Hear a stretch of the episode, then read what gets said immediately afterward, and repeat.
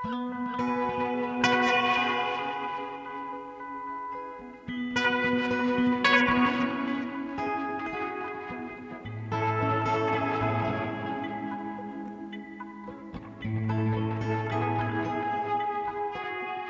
sæl og blessuð við sjá helsar á getur hlustendur 5. daginn 20. og 9. oktober.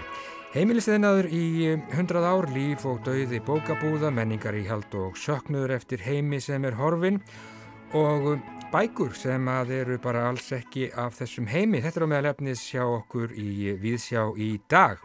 Heimilisteinaðarfélag Íslands, það var stofnað snemma á 20. öld Hlutir þess er að vernda þjóðlegan íslenskan heimilisiðnað, auka hann og ebla og vekja áhuga almennings á því að framleiða fallega og um, nýtsama hluti sem að hæfa kröfum nýst tíma en þó með rætur í þjóðlegum menningararfi. Í dag fagnar sögufélagið útkomu bókarinnar Handa á milli en eh, hún fjallar um sögu heimilis yðnaðar félagsins. Við ræðum við eh, höfundbókarinnar Áslögu Sverrisdóttur, sakfræðingi í Vísjá í dag, um bókina og það hvernig eh, áherslu félagsins í 100 ár hafa speklað þjóðfélagið hverju sinni. Sverrir Norrland Rítufundur, hann byrti á dögunum pistilum endalok bókabúðar, máls og menningar við laugaveg og velti þar meðal hans fyrir sér hvernig megi mögulega blása nýju lífi í bókaverslanir í bókmenta borginni Reykjavík. Við rættum við Sverri hér í Víðsjá fyrir halvum mánuði eða svo en Pistil Hans byrtist fyrst á Facebook síðu Sverris en síðan í stundinni undir yfirskriftinni laungu tímabær döiði bókabúðar, máls og menningar og Sverri var hérna með ymsar Hugmyndur um það hvernig rétt er að re reka bókabúðir uh, árið 2020. Á þessu máli eru fleiri vinklar. Greta Sigurýður Einarstóttir, hún er réttstjóri Iceland Review. Hún segir sína skoðun í Víðsjá í dag. Fyrirsjóknin hjá Gretu, bókabúðin er dauð, hún lengi lifi meira en það hér á eftir. Og Herman Stefánsson, réttufundur, hann hveður sér hljóðs í þættirum í dag og Kluggar í nokkrar bækur sem eiga það sameigilegt að vera sagðar ekki beinlínis af þessum heimi. Engum skoðar Hermann reyt nafna síns Hermanns Jónassonar en hann kom á sínum tíma til dæmis á framfæri ímsum leiðrættingum á njálu sem að vitruðust honum í draumi. Þannig er viðsjá í dag á getur hlustendur bæði í þessum heimi og öðrum en við byrjum í dag þennan síðasta viðsjár þátt oktobermánadar einhvern veginn svona.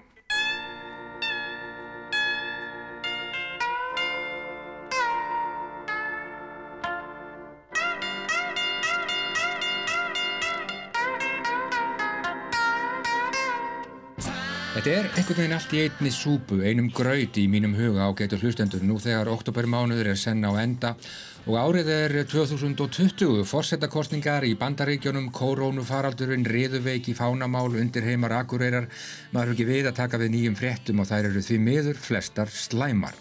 Maður kveikir á útvarpinu á nákvæmlega klukkutíma fresti til að missa ekki af skeitunum, til að missa ekki af neinu. Ekkert má fara fram hjá manni á þessum tímum. Maður er stöðut að býða eftir nýju tákni, nýjum tíðundum og þau verða einhvern veginn alltaf verri og verri. Ég veit, nú horfið meira um Donald Trump en sjálfan mig eftir sjónvarps áhorf undan farna daga og undan farnar vikur. Minna um Joe Biden miklu minna mig færði að dreyma Trump Tower í New York um nætur. Ég ráða þar með hárkollu um gildasali, ímist fölur eins og kerti eða nábleikur eins og eftir 20 tíma í turbóljósabekk. Áttaviltur og illa á mig kominn, tek liftuna og hún fer ekki aðeins með mig upp á allra efstu hæð. Turnin er alls 58 hæðir, 202 metra hár. Heldur enn ofar, ég ríki gegnum þakkið og tek svo flugið með vitskerta vangi og það brakar í himninum eins og hann sé um það byrja hrinja.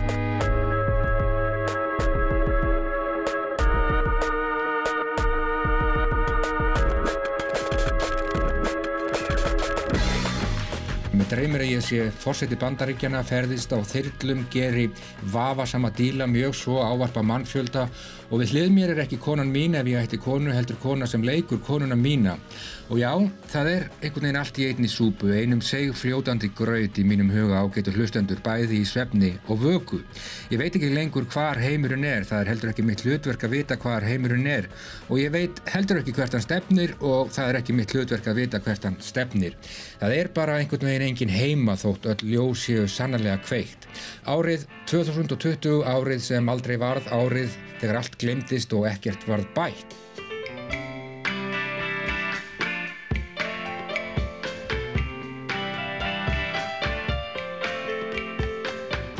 Árið sem ég uppgöttaði hversu róandi það getur verið að fylgjast bara með skíjónum eða þurka af gömlum ljósmyndum frá heimi sem er ekki lengur til.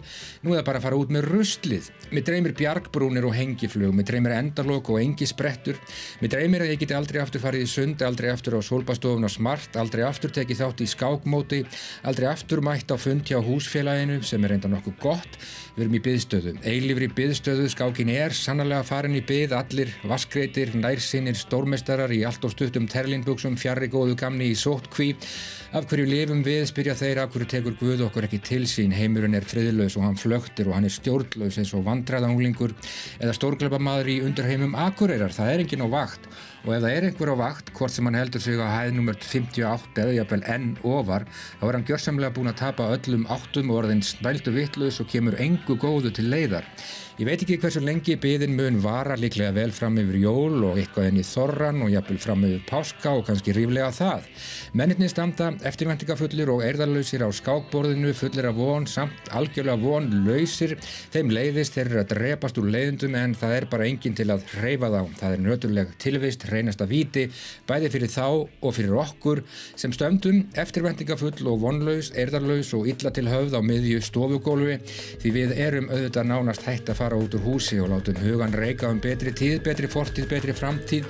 Okkur dref leiðist, jafnvel ofinberum byggingum leiðist, torkunum og törnunum.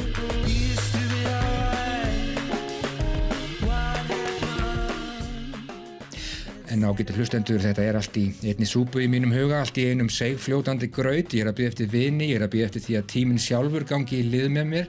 Ég er að byggja eftir ofinberun og ég er að byggja eftir endur laust. Þetta er allt saman borin von, eins og staðan er nákvæmlega nú.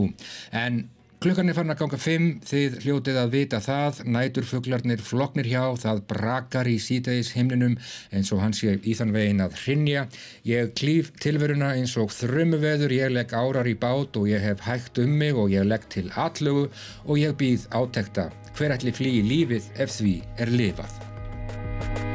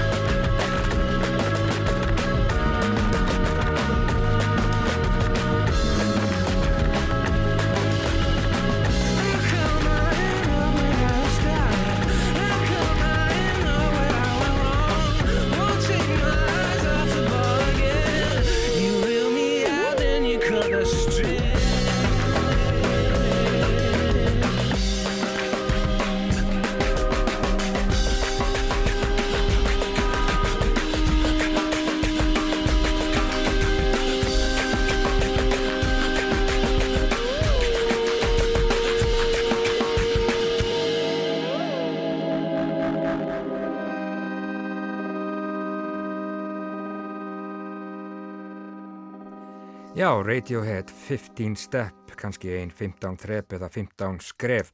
Já, skrifnir tímar sannlega og engin veit uh, hvað verður en uh, það eru svo sem engin ný tíðindi, þetta er bara einhvern veginn svona. En uh, við höldum För okkar áfram hér í viðsjá á fymtudegi Sverri Norrland rítumundur hann byrti um daginn pistil um endalók bókabúðar máls og menningar við laugaveg og velti þar meðal hans fyrir sér hvernig megi mögulega blása nýju lífi í bókaverslanir í bókmæntaborginni Reykjavík. Við rættum við Sverri hér í viðsjá fyrir halvum eh, mánuði eða svo en pistil hans byrtist fyrst á Facebook síðu Sverris en síðan í stundinni Undir yfirskriftinni laungu tímabær döði bókabúðar máls og menningar og um, þetta vakti töluverða aðtegli. Sverrir tók nokkuð stert til orða í þessum hugleðingum sínum Grein hans hefst á þessum orðum. Nú er, að, nú er búið að loka bókabúð máls og menningar. Það likur við að manni sé létt, þetta var auðvitað laungu tímabært. Sverir þeirra skoðunar að góðar bókabúðir séu samfélags, miðstöðvar og menningar, miðstöðvar og hann auglisti eftir bókmentahúsi í bókmentaborginni Reykjavík eh, sverrir algjörlega á því að eh, bókabúð Máls og menningar hafi verið fyrir löngu döið en hún hafi sannarlega einu sinni verið bísna góð. Og já, þessar hugleðingar sverris vöktu töluverða aðtikli en e, það er ekki allir sammála sverri þegar kemur að nostalgíunni sem að óneitanlega fylgir þessari bókabúð, bókabúð Máls og menningar og kannski fleiri vinklar á þessu máli. Greta Sigriður Einarstóttir, hún er eh, rittstjóri Iceland Review og hún leggur orði belg og hefur sitt að segja. Lokun bókabúðar máls og menningar nú á vortugum læðist illa í marga. Innanbúða fólk í menningageiranum hafði kurraðum ástand verslunarinnar í einhver tíma en þegar búðin lokaði í fyrstu ótímabundið en svo fyrir fullt og allt brá mörgum.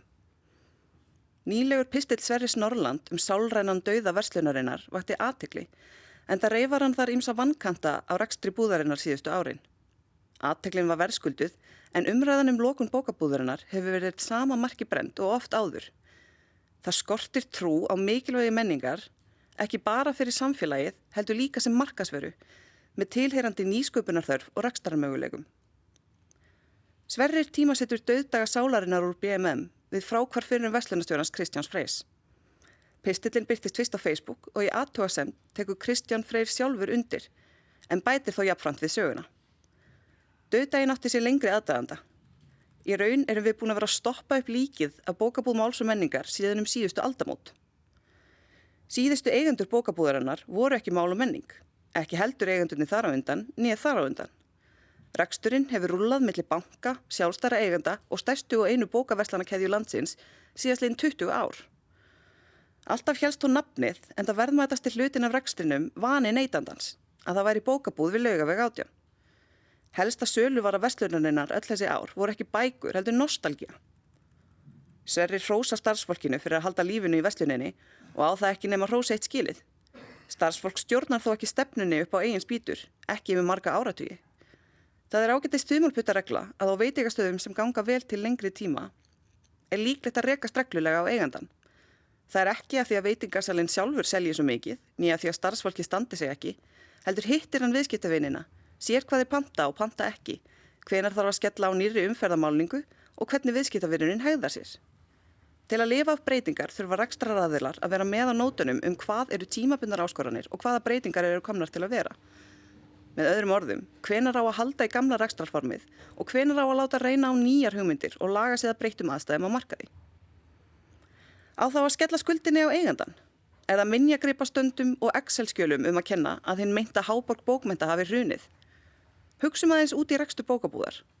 Er líklegt að þessi fyrsta val eiganda að leggja áherslu á glasegða lundabangsa og norsk tröll með álýmdum íslenskum fánum? Eða voru það vörurnar sem seldust og stóðu undir óhagnaðadryfna síslinu með íslenska bækur sem dæstan hluta ársins? Bókabúð máls og menningar er á fimm hæðum og er opinn í 13 tíma á dag, alla daga vikunar. Helst þarf að hafa starfsfólk á að minnstakosti þremur hæðana og fleiri yfir daginn, ekki síst ef um viðbyrðir að ræða. Í ljósi þessa launakostnaður hefur hækkað síðustu ár og bóksala dreyist saman er skýrt að einhver verður undan að láta og tekjur að koma inn til að borga hennu vandaða starfsfólki laun. Bókabúðar landsins eru ekki jafn fjölbreyttar og fjöldi þeirra gefið til kynna. Þar eru flestar annarkvort reknar af bókaforlugunum eða af Eymundsson. Fyrir jólinn bætast um maturuveslanirna við flóruna. Bóksalar hafa kvarta mikið yfir bóksjölu í maturuveslinum en það er það ójab leikur. Samkeppnin keirir álagninguna niður í lítið sem ekkert á þeim árstíma sem flestar bókaverslanir taka inn meiri hlutan af rekstartekjum sínum yfir árið. En ástæðan fyrir því að matveruverslanir geta svo auðveldlega stungið undan bókaverslunum í jólaflóðinu er einmitt fákeppnismarkanum sem treystir á vana neytandans að kenna. Það er kraftur í samtakamætti en samkeppni er nöðsilegt til að viðhalda þróun. Þegar fáir stórir aðilar standa fyrir einsleitri starfsemi eru þeir líklegri til þess að staðna og geirin í heilsinni er viðkamari fyrir áföllum. Ef öll ekkin er í sömu körfunni og eitthvað, eins og kannski heimsfaraldur, kemur upp á, er hættan vís. Yfirleitt þegar fréttir um bókmentir brótast út úr menningardálkinum og yfir í almennar fréttir er ástæðan svo að allt er að fara á versta veg.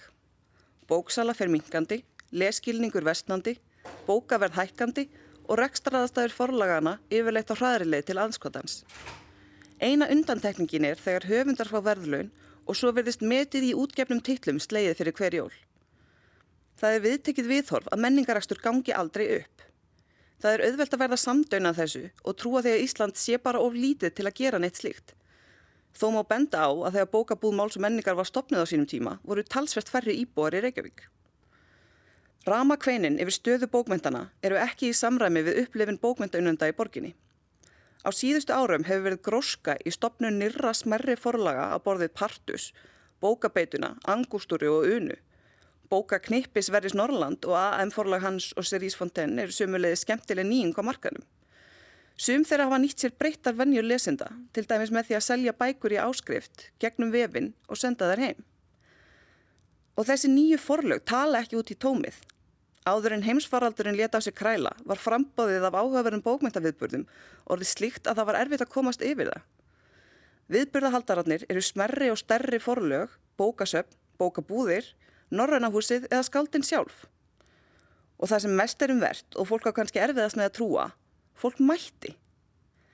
Það er fullt út úr dyrum á útgáfuhofum, upplæstrakvöldum og umræðuveipurnum. Í grásrótinni finnast vísbendíkar um að það eru bæði til hugmyndaríkir vöruframleiðendur og áhuga sami neytendur.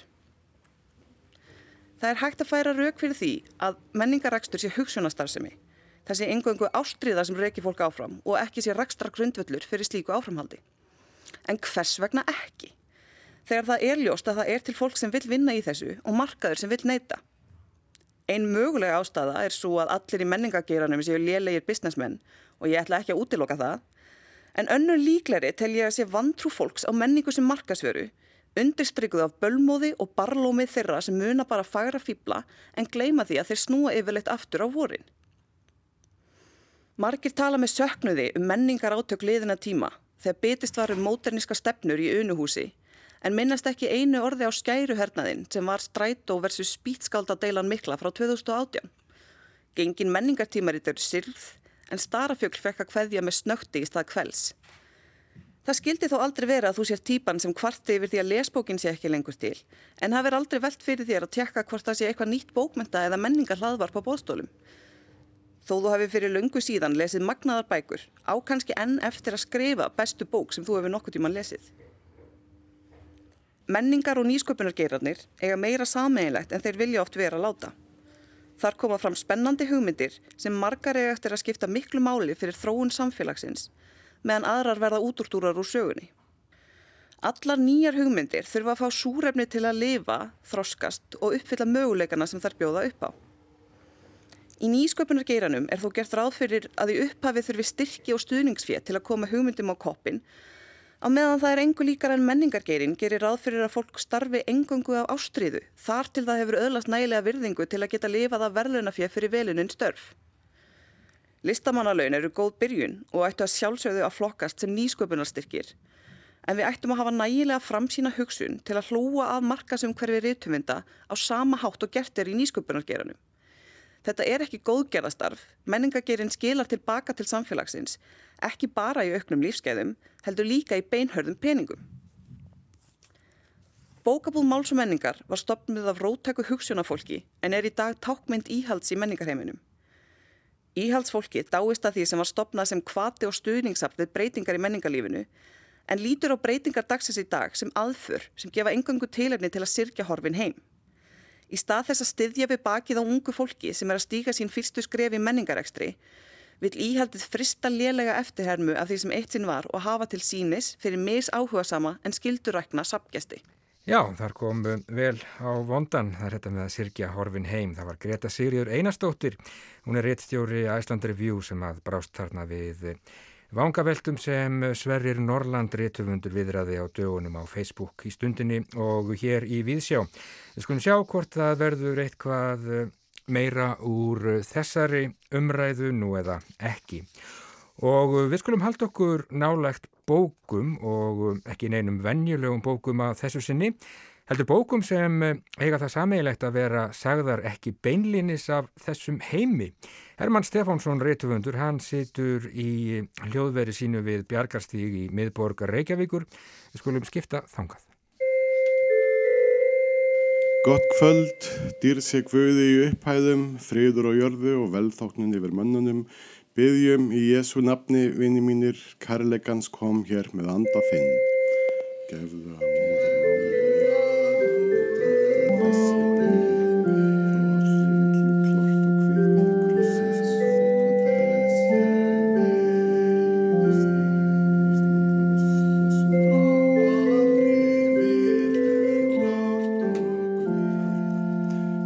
Jésu nafni, Amen. Sá sem þannig byrjar stólræðu er sér að Pál Sigursson frá Gölverabæ. Sálmurinnar sjálfsögðu eftir Hallgrím Pétursson. Sér að Pál frá Gölverabæ, 1839 til 1887, aðhildist frjálslindi í trúmálum, var gaggrinninn og ýmsar kennisetninga kirkjunar og rétti gætan framfaramál þjóðarinnar í predikunum sínum sem voru í ættið spjall og nutu mikill að vinsalda á erðum tímum. Hann hefur verið talin forveri Mattiasar Jokkumssonar. Það sem aðgreinir ræðuna frá öðrum ræðum sama press er að hún var skrásett af Erlingi Filipusinni grasalekni hátt í hálri öld eftir að sér að Pál fór yfir móðuna, miklu. Fyrir kemur að Hallgrimur Pétursson skýtur inn bæn að ræðulokinni en lengra eftir dauða sinn og drúur hluti bókarinnar sem ræðunar byrtist í árið 1944, Ljós og Ylur lífsins heimar, er helgaður nýjum hvaðskap Hallgríms. Ræðan og skaldskapur Hallgríms komið að handan í gegnum 60 næman mann í drömtransi eða leðslu. Sámaður hefði aldrei á æfisinni sett saman bögu og enga stólraðu haldið. Þeim sér að Páli og Hallgrími Pétursinni hefur rakað í listsinni við andlátið. Hallgrímur hefur á vísu viðhaldið valdinni á íslensku bragarháttum en hveður fremur ódýrt og andans fjör sér að Páls er ekki rétt mikið. Þá mætti spyrja um höfundarrétt þessar að skrifa, ekki síður en þegar réttöfundurinn Guðmundur Kampan skráði 17 ára gamal með ósjálfröður skrift ímislegt nýtt eftir Jónas Hallgrímsson, H.C. Andersen og fleiri. En eiginlega er önnur spurning meira kníjandi og viðkvæmar að færa hana í orð. Voru þessi menn með réttur ráði? Vendi ég mínu hvæði í kross, Herman Jónasson hétt maður uppi 1858 til 1923. Hann var márabeil þingmaður en honum skildi þó ekki ruggla saman við Herman Jónasson fósættisraðara sem miklu síðar var á dögum og sjálfur skal ég gæta þess að ruggla honum ekki saman við sjálfan mig. Herman Jónasson, nafni minn, gaf árið 1912 út bók sem heitir Draumar og er svo bók umfylgðanarefni Jóns Karls Helgasonar í bókinni Hetjan og höfundurinn frá 1998. Draumar Hermanns hefst á nokkrum dæmum þess að Mark sé á draumum og á lýsingum á berðdreimi höfundar. Í stuttumáli sagt er svo lungi bókarinnar leðritingar Hermanns á njálu eða ekki leðritingar hans sjálfs heldur vitraðist honum í draumi 19 árum áður ketill úr mörg, einn brennumanna og sjónarvottur að viðbyrðum njálu. Vildi sá koma á framfæri ímsu sem farið sér rámt með í njálu, auka personum sér sleft og atbyrði brenglaðir. Mörður fái ósanganda umfyllun, einnig versi útröðin á höskuldi sem er sáður mjög ósáttur við njálu í eftirlífinu. Hann komi út eins og hálgjöru dýrlingur en að hætti fornmanna sé hann um akkur í að arleðan sé af harskettum vígamanni. Heimildamæður Hermanns í hennum langa draumi vill ekki gefa upp hversi höfundur njálu því hann hefði verið óvandaðu maður og ekki hlýðhóllur sannleikanum. Það mætti kannski segja að í dag myndi ekki taka langan tíma að greina ránghugmyndir í máli Hermanns Jónassonar og allur þorri almennings myndi líta svo á að heimildamæður úr draumi væri meirinn lítið vafasamur. Hins vegar segir það talsvert um bókina að í henni er eftirmáli eftir Guðmund Fimboason sálfræðing sem enginn dregur í efa að var háklassa fræðmaður. Þar með er ekki sagt að Guðmundur trúi öllu eins og nýju neti sem framkemur í bókinni, öfust við profesor Harald Níelsson sem einni á aukaefni í bókinni og var þekktur að ymsu af þessum toga og fyrir ákveðna trúgirni. En eftirmáli eftir Guðmund Fimboðsson segir minni að mörk hins eðlilega og óeðlilega, þessum markar á takandi og hinu sem að engu er hafandi, hafa verið dregin annar staðar eins og fara gerir um ólík tímabil. Munurinn á stólraðum síra Páls Sigurssonar sem Erlingur Filipusson grasalagnin skráir er helst sá að bók Hermanns er svo fjandi vel skrifið, stílinn sterkur, orðfarið gott og raukfæslan fimmleg. Það sem ekki síst var afleðing drömsins fyrir Hermann Jónasson sjálfan er mikill áhugi á skórækt. Sá áhugi er lárendar í loftinu en var ákafur hjá Hermanni því hann hafi séð með eigin augum hvernig Ísland leit út þegar það var skói vaksið melli fjáls og fjöru. Honum vitraðist það í drömnum og útfæsla hans var þingsállutuna til lega um þekkskilduvinnu. Það má segja að hún sé íslensk útgáða af herskildu og andkverfan eða jáfnvel samkverfan á humundum um borgaralögn. Ungmenni átti að sinna þekkskildu vinnu við skórakt í tiltekin árafjölda úti á landi og fá launum mat og húsaskjól, ekki annað. Þessar humundir fengur nokkuð hljómgrunn, til dæmis hjá ungmennafélagunum. Margt vittlusara hafi verið lagt til. Glimti Herman Jónasson með andlega veikindi.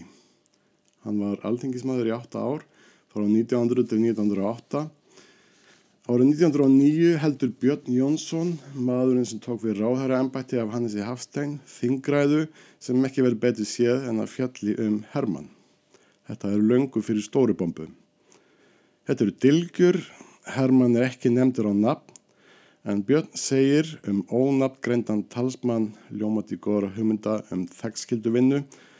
Það er sjúkdómur er í mínum ögum gerði hann óhæfan í þá stöðu er honum hafi verið trúað fyrir. Björn nefnir ekki heldur hver sjúkdómurinn sé. Stökkum þá yfir í síðari bók Hermanns Jónassonar, Dölrúnir, sem kom út árið 1914. Í henn er að finna nánari útlistun á hugmyndaheimi Hermanns. Berdreimi er ekki hans eini hæfileiki. Hann hefur fór að blötu barspenni þann hæfileika að geta tekið á móti og sendt hugskeiti. Í þessari bók gerir Hermann beina tengingu að milli geðveiki og skegningáfi. Hann lýsir samskiptum sínum í uppvækstinum við mikið geðveika konu að nafni Jóna Jónsdóttir sem á skegningáðinni einni getur fundið vellinga sem hann týnir. Hann kemur vel sama við Jónu og er reyndar eini maðurinn á bænum sem getur náð sambandi við hana þegar illa lætur. Það gerir hann með hugskeitum. Hann nær öll sambandi við Jónu og sendir henni hugaró með hugskeiti. Sjálfur missir Hermann mánuður minni sínu vegna róthögga og gefur í skeina hann af ætti þótt sérkennilegur. Um síður hefur hann tilraunir til að koma draumum með hugskautum yfir í aðra mannesku þótt hún sé við fjari og gengur að sögna okkur vel. Ég gæti rakið þetta lengra en gefst ekki ráðrum til þess en það þessi lestur minn svo sem sprottinum öðru en útvarspissla þarf. Ekkert hverfur jafn fljótt á tíðarendi. Ekki vant að dæmin úr sögunni um að heilu samfélagin hafi verið heldtekinn hugmyndum sem erfitt getur við að kenna við hana en vitfyringu. Þótt hugskeiti og yrkingar í dásefni hafið þótt innan marka þess mögulega á fyrir hluta síðari aldar eru færri sem á slíkt trúa í dag. Og ýmsu fer fram, fordómarka hvert geðvikum eru miklu minni í dag, viðsýni er meiri. Síðustu 13 ára æfinar segir fátt af Hermanni Jónasinni. Hann bjóti skiptis á Ólasfyrði og í Reykjavík, svo lengi í Vesturheimi, síðasta árið í Reykjavík. Ef þú vil var eitthvað hæft í dilgjum Björns Jónssonar. Það virkar ekki ólíklegt. En saði ég ekki að Guðmundur Fimboðarsson sálfræðingur hefði svo að segja heilbriðisvottað Rít Hermann sem dreyma með eftirmála? Jú, en það segi kannski mest um það hvað Guðmundur Fimboðarsson var merkilegur vísindamæður. Svo er að sjá sem Guðmundur hafi verið á öndan sinni samtíð og aðhelst hugmyndir sem algengari eru í dag. Hann hefur viljað nokkur jafnræðis grundvöld með geðsjókum og virðingu fyrir þeim. Orraðaði þeirra yrði kvorki afgreitt á einu bretti sem alraung, neheldur gangi svo romantiska hugmyndu upp að allt sem að munni hins andlega veika gengur sé heilagur sannleikur, ættaður frá Guði. Fyrst og síðast tekur Guðmundur í ettimálunum ekki afstöðu til málfrætnings Hermanns um drauma þótt hann telja hann aðhengilsveðan og áliti drauma merkilegt fyrirbæri. Hann hefur einfallega ekki verið ofsnoppaður til að leggja napsitt við eitthvað sem á ymsa kunnið að virka þeim í meira lagi hæpið. Helsta kenning Guðmunda Fimboðarssonar var jú kend við samúðarskilning. Þó kann að vera varsamt að trúa með öllu á frambrás fordómalýsisins en það talar fólk fremur um fordóma annara en sína eigin. Eftir sem áður gildir gamalt máltæki, eirun fýsir ílt að heyra. Það kann að vera að viðbröðumanns við lestri bóka eins og draumar feli í sér hlátur og mikinn beig. Ekki hef ég verið að bera drauma mína á tork undarlegir sem þeir eru og mér þykir vissar að láta þess alla hjarna ógetið þótt yðurlega hafi hend að ég fái hugskeiti, stundum er ég eins og einhver fjandans loftskeitastöð og það hendir trekk í trekk að ég ruggli mig saman með Herman Jónasson Fossettisráðara, Herman Reyðarsson, Herman Pálsson, Herman Göring, Herman Stefansson, alnafna minn sem veldi því að ég hefði 29 miljónir í árstekjur árið 2018, sakvað hátekjublaði stundarinnar, Herman Ragnar Stefansson, danskennara, Herman Guðmundsson, forstjóra, Leonard Cohen og Látrabjörgu, hljómsveitina Neutral Milk Hotel eins og hún leggur sig, Hemma Gunn og ekki síst Herman Jónasson eldri, Dullrúna og Draumamann. Gangið í friði og spekt, verðið hress, ekkert stress, bless.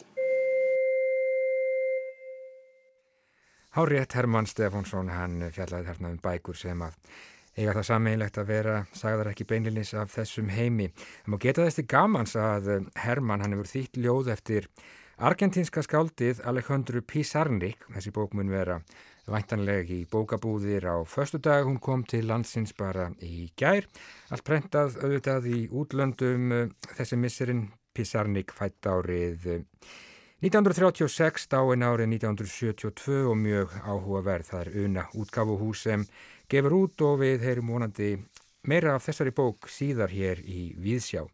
En við ætlum að huga að heimilisiðnaði hér í Víðsjá eftir fáinnar mínútur í tilefna því að í dag þá kemur út bókum heimilisiðnaðar félag Íslands, bók sem að fjallar um 100 ára sögu félagsins. En það tími til að lofta út fá örlítin franskan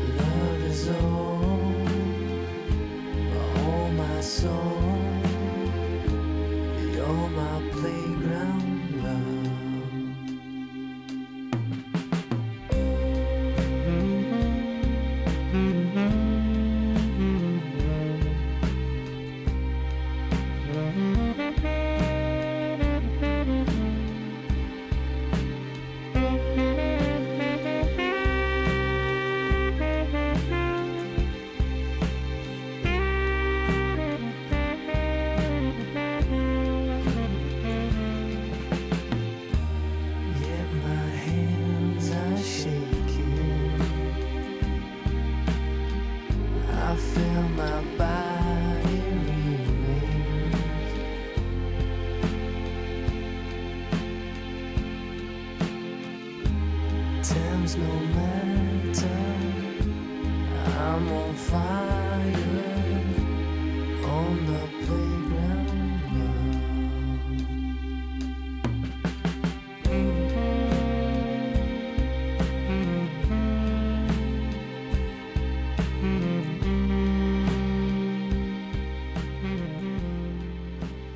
Já, hinn frábæri franski duett er og ástinn á skólalóðinni. En eh, sögufjallagið fagnar í dag útkomu bókarinnar Handa á milli.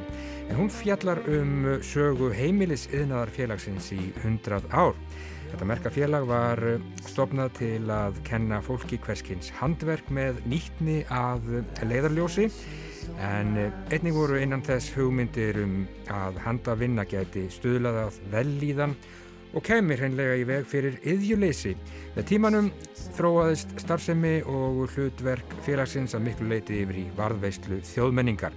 Halla Harðardóttir, hún settist niður með áslögu Sveristóttur, sakfræðingi og höfundi bókarinnar Handa á milli. Ég sitt hér á heimili Áslaugar Sveristóttur, Sagfræðings, en hún er höfundur spánýrar bókar, Handa á milli. Þetta er 100 ára saga heimilisiðnar félags Íslands. Afskaplega falleg bók, það er ekki annað að segja. Hún er eins og ofinn í grátt klæði með munstri á. Áslaug, þetta lítur að vera eitthvað sérstakt munstur sem ég er að horfa á hérna. Þetta já, þetta mun vera munstur frá 17. öld og úr sjónabók Ragnhildar Jónsdóttir biskupfrúar á Hólum. Já. Og uh, þetta er svona eins og nokkrar rósir, það eru fimm rósir, eini í miðjunni og fjóra síðan hver í sitt, sína hodninu. Mm -hmm. Lítið mjög vel út. En uh, fyrsta spurning er mjög almenns eðlis. Ég vil bara fá að vita, hvað er heimilis yðnaður? Sko þetta er mjög erfið spurning að svara. Þetta sangkvæmt þessari, þessum heimildum, þá uh, tengist þetta heimilis yðnaður reyfingu. Og reyfing sem er fjörþjóðleg og er að mótast svona kannski á, frá átjöndaöld og, og nær sér án skrið á, á þeirri 19. og okkar heimilisinnaði félag sem er skrifað um í þessari bók, Handa á milli, það hefur Norrænu félagin sem fyrirmynd.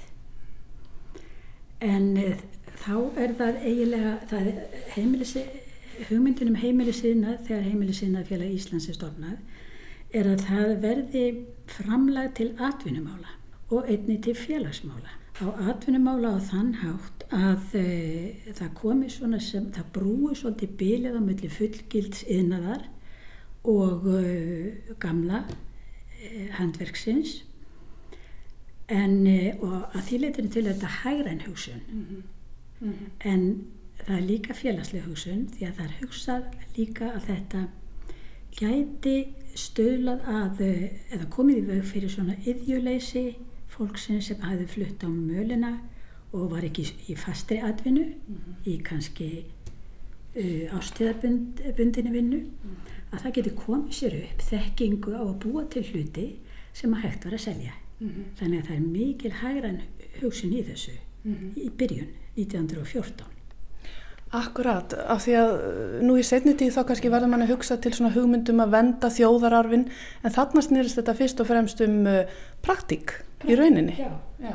Praktist, þetta er bara praktist og, og uh, algjörlega framlag til hægrætna framfara mm -hmm. og nú var framfara hugsunin mjög sterk á þessum tíma mm -hmm. og það er svo lítið ruggla fólk í rýminu kannski að í lögum félagsins stendur að það er að, að venda þjóðlega niðnað þá að stuðlað vöndun hans og fegurð og vekja áhuga mann á því að framlega nýtsama hluti.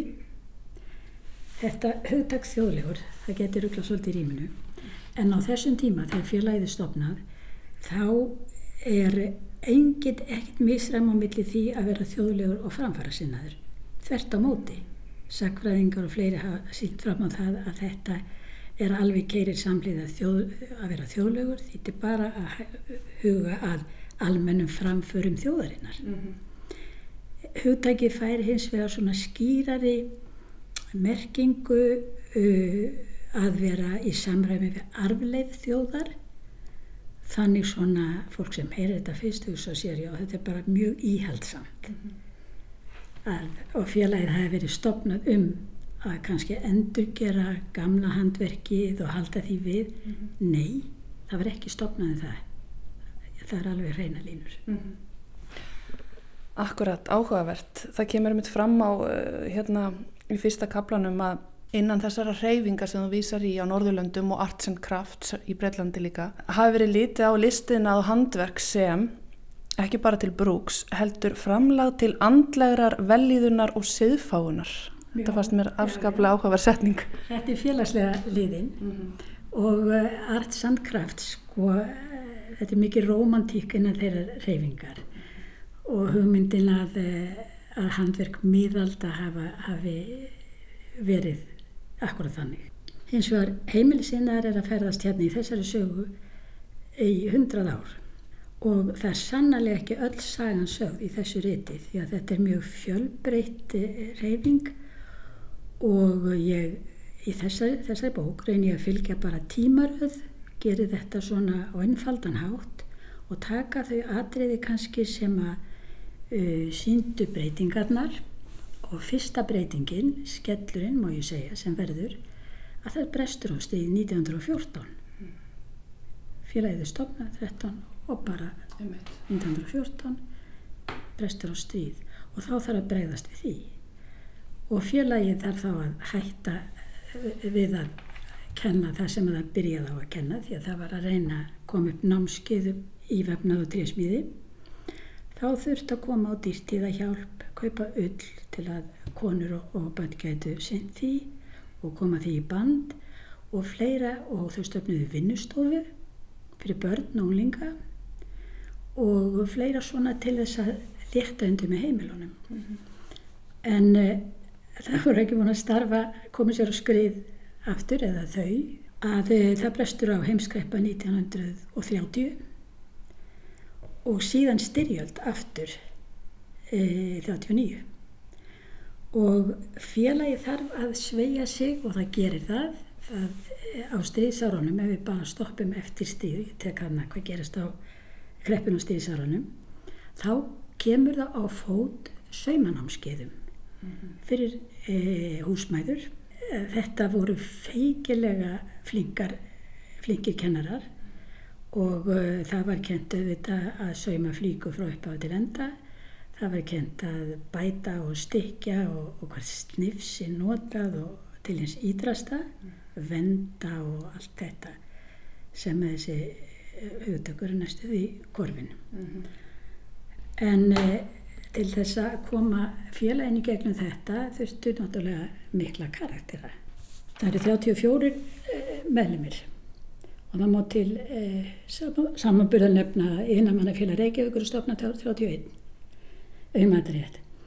Í heimilisinnaði félaginu er um heimilisiðinnað eru 34. Það eru 21 karl og 13 konur. Mýrildum hlutin eru kallar. Mm -hmm. Og það eru karlar, við skulum segja svo Ásker Torfarsson, verkfræðingur, uh, Mattias Þórnarsson, þjóðmenniverður, Rökkvaldur Ólásson, byggingabæstæri húsamistari, svo einhverju síðan nefndir Jón Þórarinsson, fræðslumálastjóri.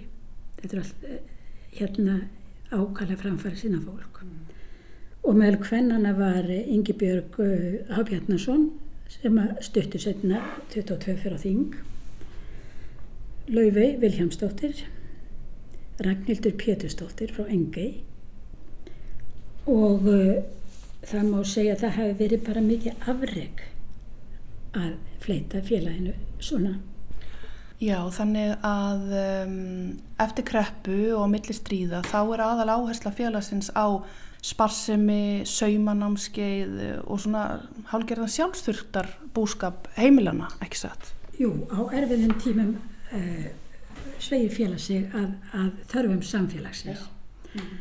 En uh, sko það eru skýra, skýra línur í uh, sögufélagsins og það er að kenna, halda námskeið. Síðan er vestlunarekstur sem hefst 1951 mm og uh, norrænt samstarf og útgáfa fræðslurita. En ef við förum síðan hvað gerist með stríðinu og, og það vita nú allir að þá hefur breytist íslenska þjóðfélagið algjörlega. Þegar heimilsinnaði félagið byrjar þá er það að með námskeið fyrir karla og konur, við allir börn að það er við tímanum og karlarnir eru ekki síst í fókus vegna þess að E, það var verið að reyna að koma fyrir yðurleysi og slæping og drikkjuskap og svona, ekki það að það fylgdi þeim sérstaklega en þeir, þeir voru að litið á þá sem fyrir vinnurnar og, og ekki var það gott að hafa ástandi þannig, þannig þetta er félagslega fram, mhm. framlægið. Mm -hmm. Eftir stríði þá er engin þörf lengur á að koma slíku fyrir kall með það var mikil vinna Það var engin að slæpast þá? Engin, það var engin kall sem þurfti að slæpast þá. Nei. En e, þá, það tímabil, við skulum segja frá e, Arneður Jónsdóttir sem var námstjóri í handafennu barna á gagfræða og barna, barnaskólastíg og gagfræðastíg, hún tekur þá við stjórninni, stjórnfélagsins. Og þá er þessi e, svolítið vandi, svolítið tilvistavandi uppi. Það þarf að e, keira áfram félagið með þeim hugmyndum um nám. Og passa að það sé þá ekki það sama og kent er í barna og unlingaskólum, ekki sér það sama. Þannig að það er allar sér frekar að svona það sem núna er lítið sem þjóðlegt, júrtalitun, tófina, skógerð. En 1951 gerist það að það er stofnuð Vestlun undir heitinu Íslenskur heimilisinnaður. Fyrst í félagi við ferðarskrifstofu ríkisins sem að þá uh, var ég til til að nýstofna og það var svolítið verið að spekulir í ferðamönnum hvað er það mm. þeir vilja þeir og hvað er hvað er þetta að gera fyrir þá Þetta er eiginlega svona fyrsti vísirinn að túristavarningi, er það ekki? Ég, nei, nei, þetta er eiginlega ekki fyrsti vísirinn að túristavarningi því að hann mun hafa, hafa brostið á ef var einhver byrjun á því í, í eh, stríðinu fyrir hermenn Já, hvað var það? Já, sko sömur bara viðriðu tæpitungulust skoðanir sínar á hvernig íslensku skraut og listvætningu sem útlendingum hafi verið bóðinn komið fyrir sjónir og Lúðið Guðmursson skólastjóra handíðskóla Íslands að náða þetta þannig. Á ófríðara árunum blóngaðist innar þessi mjög og munu ótaldar það þúsundir vasaklúta, kvennbróka og svo framvegis með I love you áletrun from Iceland sem prangað var inn á hermen hins breska og ameríska setulið sem hétt valdi. Já, þannig að uh, fyrsti túristavarningurinn er kannski vasaklútar og nærbrækur sem áreitað var á I love you. Það er kannski svolítið djalt að tala um þessi fyrsta túristavarningin en þetta er dæmi svona um Já. viðleitni til þess að koma á framfæri hérna Made in Iceland og, og íslensku handverki. En svo líka ákveðinu tímapunkti þá fer, það kannski tengist vestluninni sem þú ert að tala um, en þá fer félagi svona halgerða útrás. Eh, félagi fyrir útrás, tvær glæsilegar vestlani voru reknar önnur í Hafnastæti 1-3 í Fólkahúsinu, eina glæsilegustu vestlunum í Reykjavík og hinn á Löfusvið 2. Og þarna var á bóðstólum þarna ímiskonarvarningur og framlegsla öllarverksmiðjana sem þá voru í fullum gangi og ja, eh, innfluttur varningur heimilisiðnar félagana Norrænu. Heimilisiðnaðar hugtæki verður svolítið óljóst þegar kemur fram eftir öldinni og uh, undir lokaldreinar myndast samtala á milli hóp sem hafi fengið fjö og það var hópulist innamanna sem var mentar ellendis ákaflega glæsilegt fólk sem mikil þarfar á. Sem mentaði elendis og hafði komið sér vinnustofum. Að samtala með heimilisinna félagsins og, og þessa hóps um samstarf. En í raun var engin grundvöldu fyrir því því að það varu fjárhásaröðuleikar sem að heimilisinna félagi var þá að glýma við. Það var gríðarlega verðbólka og erfitt að reyka vestlun sem átt að vera standard og flott. Mm -hmm. þannig að verðbólgan svolítið knésetur félagið. Ásamt stórum vestlunarkjörnum sem er að rýsa upp hér og þar fólk fer um miðbænum og í stuttumáli sagt það þarf ekki að reykja þá sögu nákvæmlega. Mm -hmm. en heimilisinnaði félagið e, kaupir sér það átti hús á Ljóasvögi 2 það hefði kifta, seldi það. Það kaupir hús næði netil skamt frá árbæðarsafni en tengslinn við minnjasöfnin hafa alltaf verið einhver og þau styrtu, hafa styrst mikið á setni hluta aldarinnar. Já, akkurat. Ég hef mitt heimsótt þær í netil og uh, fengið að fylgjast með námskeiðum þar í þjóðbúningagerð sem eru mikil og merkileg og einmitt þá í netil í dag hanga uppi mikið á búningum einmitt úr árbæðarsafninu. Það er sérstaklega mikið og merkilegt samstarf þarna á milli. Já, það má segja sko að tengingin við, við minnjósöfninu hafi verið alveg þarna frá upphafi. Mattias Þórðarsson, hann er í stjórn félagsins og þjóðminnaverður, hann er stjórn félagsins og eitthvað stopnundu þess. En eh, eftir því sem líður á eldina og næra aldamótonum 2000 þá styrkast þessi tengsl og það er farið að gefa meiri gaum að þjóðbúningum og uh, það verður til hópur innan heimilisinaði félagsins, hópur sem að e, kallaði sér faldafeki, sem byður um það að fá að e, læra að sauma gamla íslenska faldbúningin mm. sem að þá var bara alveg glatað handverk og uh, félagið svona er orðin hluti af óformlegri minnjavend mm -hmm. landsmanna mm -hmm. með þessari konati. Akkurat, það er eiginlega fókusin í dag en uh, þá er mér hugsað til gamlu tímana og kreppa árana og stundum finnst okkur eins og það sé að koma kannski kreppa og ný kynnslóð vil nýta hluti og neyta minna og læra kannski að sauma og gera við. Það er komin ákveðin svona, það er ákveðnar, um, það er svona í reyfing í dag, má segja.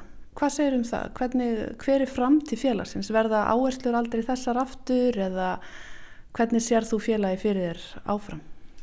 Já, framtíð félagsins byggist á, á félagsmönnum og þjóðfélaginu og þjóðfélags aðstæðum og eins og þú segir, núna er þetta ofalega bögi. Og þegar eh, kreppan brasta á 2008 þá fylgdust námskeið félagsins á, bara af prjónakonum og uh, öðrum sem vildu læra handverk. En nú er það þannig að það kannast margir við það sem að stunda handverk, hvað hva, hva gott það er fyrir bara líkama og sál. Mm. Þetta er afskaplega kannski erfitt að, að skýra þetta en, en góð aðsókn á námskeiðum heimilisinaði félagsins stýður þetta. Mm -hmm. En yfirleitt þegar kreppir skórin að, hagrænt, þá uh, þarf að huga sjálfsturt. Sjálfsturt og eins og þau sögðu upp af félagsins uh, kannski líka til andlerar velíðunar, hver veit, kannski var það ekkert svo fyndið. Nákvæmlega til andlerar velíðunar. Mm -hmm. Svo ég eh, gerir ráð fyrir að eh, fyrraðið búið að lifa í hundrað ár og er á byllandi siglingu. Svo við eh, verðum að gera ráð fyrir því að það lifi áfram og ég gerir það. Og það bara þá byggist eh, á handverkinu og þeirri, þeirri ánægju og fullnægju sem, sem að fjælst í því að hafa eitthvað á milli handana. Frábær loka orð Áslög Sveristóttir til hamingi með þessa fallegu bók. Takk að kjælja fyrir. Já, gott að hafa eitthvað á milli handana, svo sannanlega handavinna stuðlar að vel líðan. Halla Harðardóttir ræti þarna við Áslögu Sveristóttur, sakfræðing, hún er höfundur bókarinnar Handa á milli. Þetta er bók sem að fjallar um sögu heimilis yðnaðarfélagsins í hundrað ár. Sögufélagið fagnar útgáfu þessarar bókar í dag. Og svona líkur þessu hjá okkur í dag við sjá hér aftur á þriðju daglust eftir klukkan fjögur. Ég minni á úrval úr viðsjárþáttum þessarar viku á dagskrá hér á Ráseitt klukkan 14 klukkan 2 á sunnudag. En við segjum þetta gott í dag. Teknimaður í þessari útsendingu var Gísli Kjaran Kristjánsson. Takk fyrir samfélgina í dag. Verið sæl.